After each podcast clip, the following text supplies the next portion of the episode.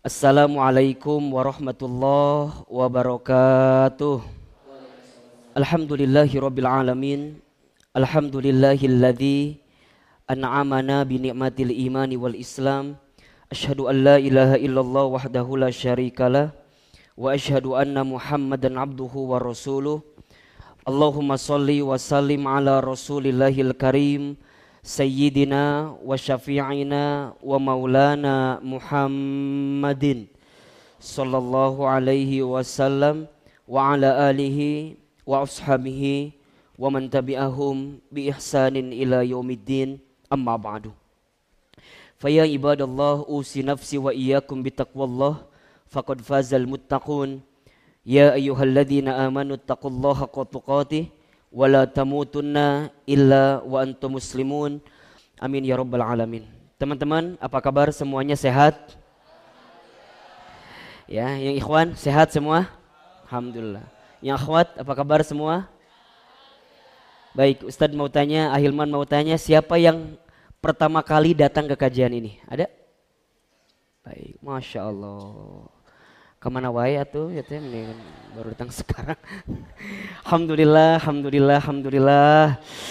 Terima kasih ikhwan wa akhwat, brother and sisters yang sudah bisa hadir di kajian teman hijrah. Semoga Allah Subhanahu wa taala membalas kebaikan kita semua dan ketahuilah bahwa tidak ada jalan yang paling terbaik, tidak ada cara yang paling terindah yang Allah hadirkan kepada setiap manusia kecuali saat Allah giring dirinya untuk berbuat kebaikan di hadapan Allah Subhanahu wa taala.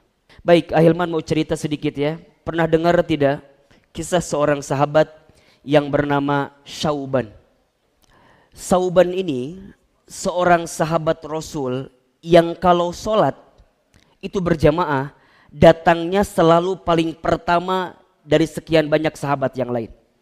Dan Masya Allah, kalau memilih tempat, Syauban itu selalu memilih posisinya di pojok sebelah kanan. Ya, datang paling awal, kemudian duduknya di mana? Di pojok sebelah kanan. Masya Allah, sampai setiap waktu sholat itu Rasul tahu Sauban adalah orang yang pertama kali datang dan sholatnya menempati posisi di pojok kanan dan tetap yang paling terdepan. Ustadz, Kenapa Sauban milih yang paling kanan posisinya? Sauban memilih posisi pojok kanan itu karena Sauban tidak ingin mengganggu yang lain. Karena relatif orang yang duduknya di pojok itu setidaknya tidak akan banyak bersenggolan dengan yang lain. Beda kalau di tengah barangkali akan dilewati. Beda kalau agak sedikit kiri barangkali mungkin juga akan dilewati. Tapi milih pojok kanan, masuk sebelah kiri, kemudian masuk dan duduk di sana. Sauban sengaja agar khusyuk agar kemudian tidak mengganggu orang lain. Masya Allah. Singkat cerita, pada waktu ketika subuh, itu Rasulullah SAW menemukan sauban tidak ada di antara orang-orang yang pertama kali datang ke masjid. Jadi sudah azan, sauban tidak nampak di masjid. Sampai kata Rasul, pertanyaan kepada sahabat, Aina sauban? Di mana sauban? Kemudian sahabat menjawab, La araftu ya Rasulullah, Aku tidak tahu ya Rasulullah. Aku tidak tahu ya Rasulullah. Masya Allah. Kata Rasul, mohon maaf ya. Sholat subuhnya kita tunda dulu, tunggu dulu. Aku penasaran, Sauban belum nyampe ke situ. Tuh, kalau orang soleh mah, yang biasa ke masjid, sekali nggak ke masjid aja, ditungguin sama Rasul. Aina Sauban. Masya Allah, sampai kemudian waktu syuruk. Berarti waktu syuruk itu sekitar satu jam dari waktu subuh. Itu Rasul masih menunda sholat subuhnya karena menunggu sahabat yang bernama siapa? Sauban. Masya Allah, karena sudah waktunya syuruk, kata Rasulullah, baik. Sekarang kita tidak usah menunggu sauban, aku akan mulai sholat subuhnya.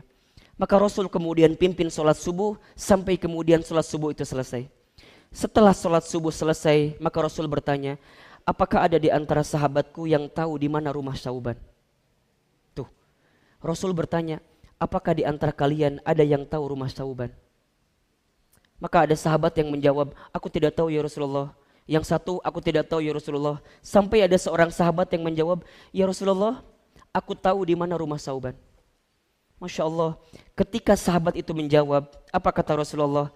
Bisakah engkau tunjukkan, aku ingin berkunjung kepada rumah Syauban. Karena ketika Sauban tidak pergi ke masjid, aku merasakan kehilangan daripada sahabat yang biasa ke masjid. Tuh, kalau orang soleh itu berteman, saat dia nggak taklim, itu ada sesuatu yang kurang dalam kehidupan. Jadi kalau teman-teman nih, biarkan teman-teman sering taklim bareng kan? Sering kui-kuyan bareng kan? Kui, kui, kui, kui, kui, ya. Oh bareng gitu. Jadi kadang-kadang kalau taklim dengan siang bersangkutan nggak ada teh seperti ada yang kurang gitu. Pernah nggak ngerasain begitu? Pernah ya? Eh, kadang-kadang ke mana atuh, ke mana, ke mana, ke mana. Sampai kata Rasul begitu. Apakah bisa mengantarkan aku ke rumah Sauban? Masya Allah teman-teman. Ketika sahabat itu mengantarkan Rasul bersama sahabatnya ke rumah Sauban. Ternyata Masya Allah.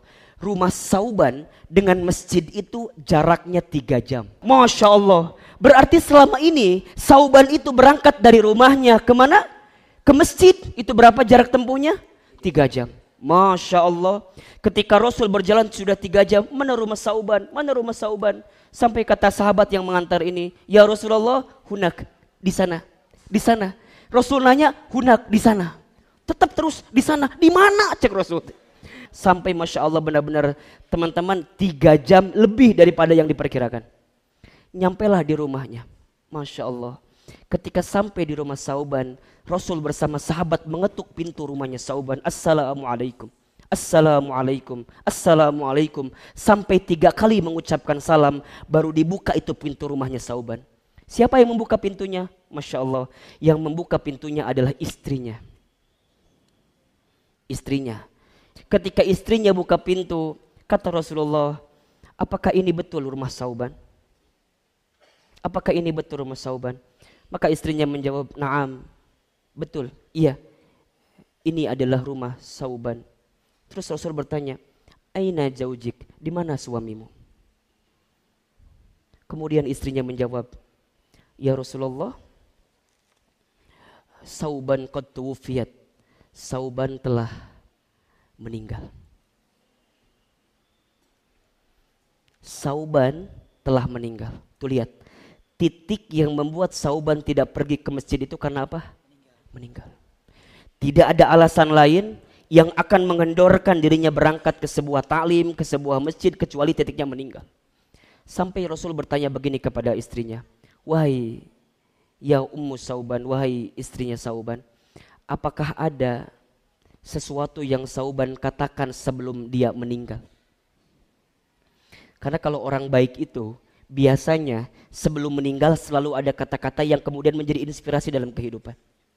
Sampai kata istrinya, "Ya Rasulullah, sebenarnya tidak ada kata-kata khusus yang disampaikan oleh suamiku, tapi aku penasaran dengan tiga kalimat yang disampaikan oleh suamiku satu hari sebelum dia dipanggil oleh Allah Subhanahu wa taala." Berapa kalimat? Tiga kalimat. Kata Rasulullah, "Madza?" Apa? Apa tiga kalimat itu? Maka istrinya menjawab, suamiku pernah berkata, yang pertama, kenapa tidak lebih jauh lagi? Yang kedua, kenapa tidak lebih baru lagi? Yang ketiga, kenapa tidak semuanya? Ada berapa? Tiga. Satu apa? Kenapa tidak lebih jauh lagi? Yang kedua, kenapa tidak lebih baru? Yang ketiga, kenapa tidak semuanya? Maka Rasul kemudian meneteskan air mata, menjawab kebingungan dari yang disampaikan oleh istrinya Sauban. Rasul menjawab, Wahai istri Sauban, beruntunglah engkau punya suami seperti Sauban Sesungguhnya tiga kalimat yang disampaikan oleh Sauban itu menunjukkan tentang pahala yang Allah siapkan kepadanya sebelum dia meninggal. Yang pertama, Sauban menjawab, kenapa tidak lebih jauh lagi? Karena pada saat Sauban mengatakan itu, Sauban ditunjukkan oleh Allah pahala-pahala daripada keberangkatan dia selama tiga jam daripada ke masjid itu. Dan Masya Allah, Tiga jam yang beliau korbankan untuk berangkat ke masjid itu mampu memberikan pahala yang luar biasa. Sampai sauban nanya, kalau tahu begini pahalanya, kenapa nggak lebih jauh lagi daripada tiga jam yang aku tempuh dalam masjid ini? Kalau tahu pahalanya gede seperti ini, kenapa cuma tiga jam aku tempuh jarak seperti ini? Terus yang kedua, kenapa nggak yang baru? Kenapa nggak yang lebih baru? Karena sauban ditunjukkan oleh malaikat Jibril Ketika satu saat Sauban berangkat di musim dingin dari rumahnya, ketika di tengah jalan bertemu dengan seorang pengemis yang kedinginan.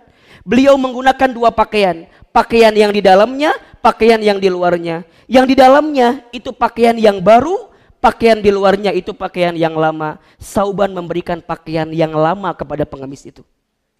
Sampai kata Sauban, kalau tahu pahala yang lebih baru itu lebih bagus, lebih banyak, aku akan berikan yang baru kepada pengemis itu.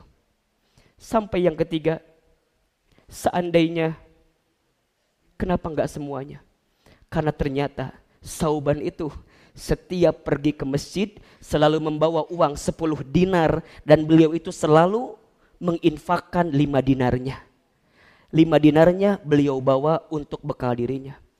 Kemudian Sauban ditunjukkan, hmm, ternyata 5 dinar itu berharga pahalanya. Kata Sauban, kalau tahu 10 dinar semuanya lebih berharga, maka aku akan berikan segalanya untuk pengemis itu. Seandainya lebih jauh, seandainya lebih baru, seandainya semuanya.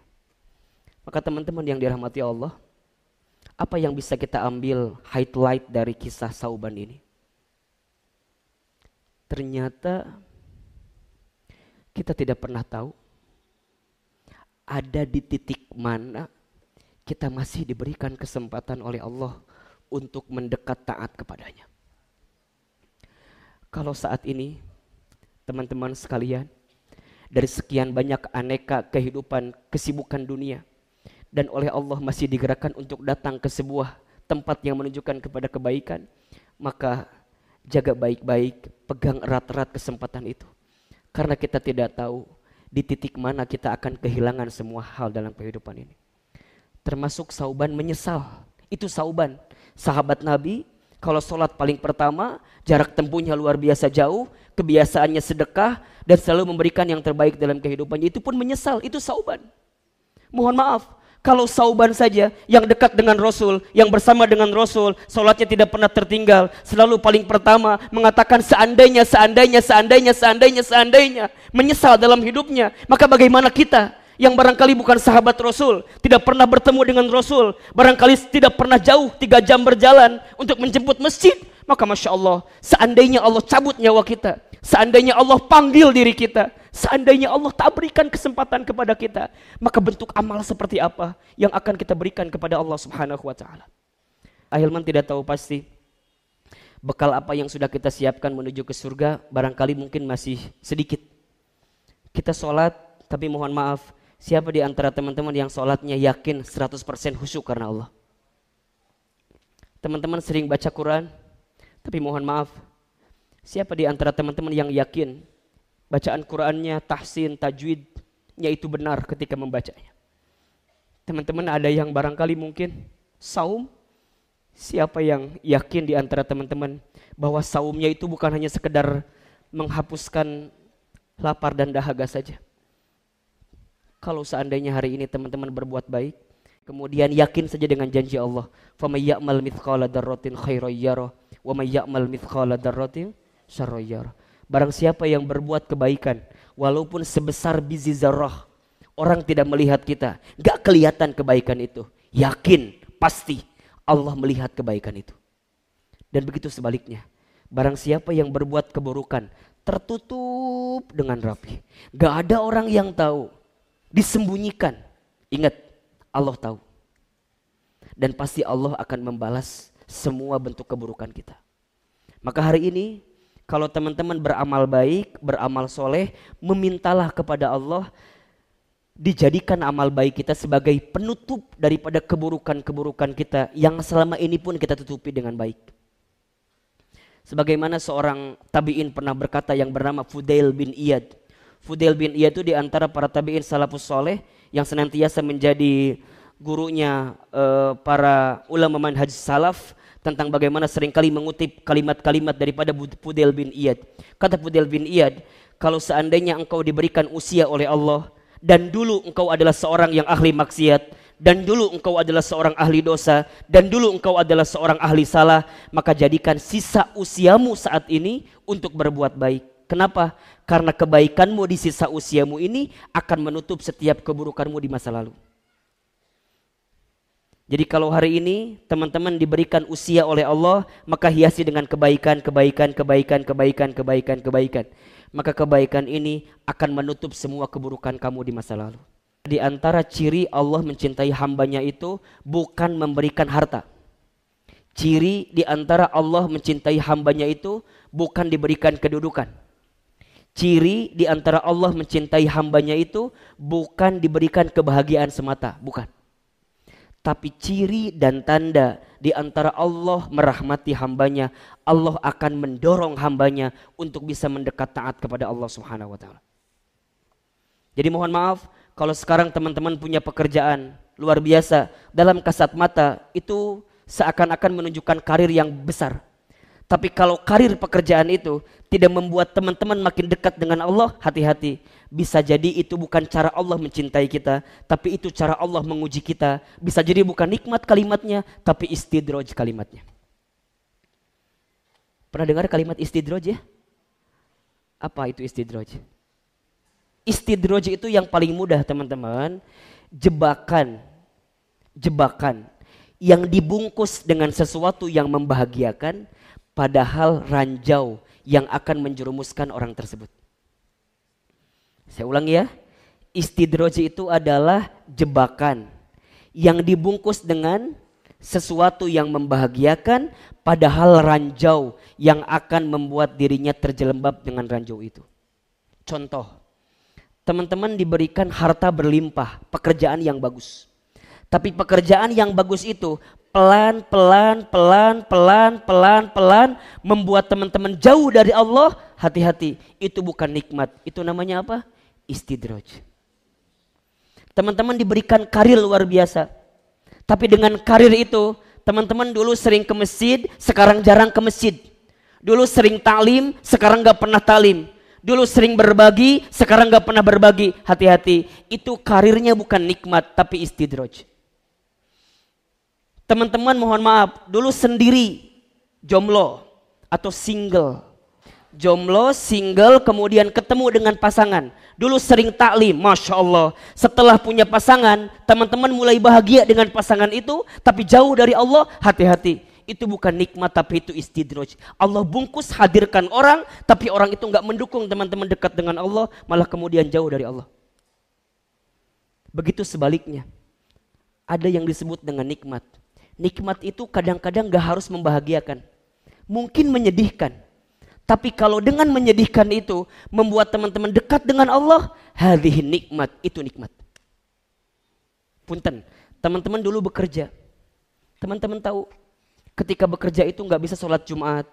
Teman-teman tahu ketika bekerja itu kemudian harus melepaskan jilbab aurat gitu ya. Maka teman-teman resign, resign tuh di PHK atau teman-teman keluar mohon maaf, secara dunia kehilangan, betul nggak?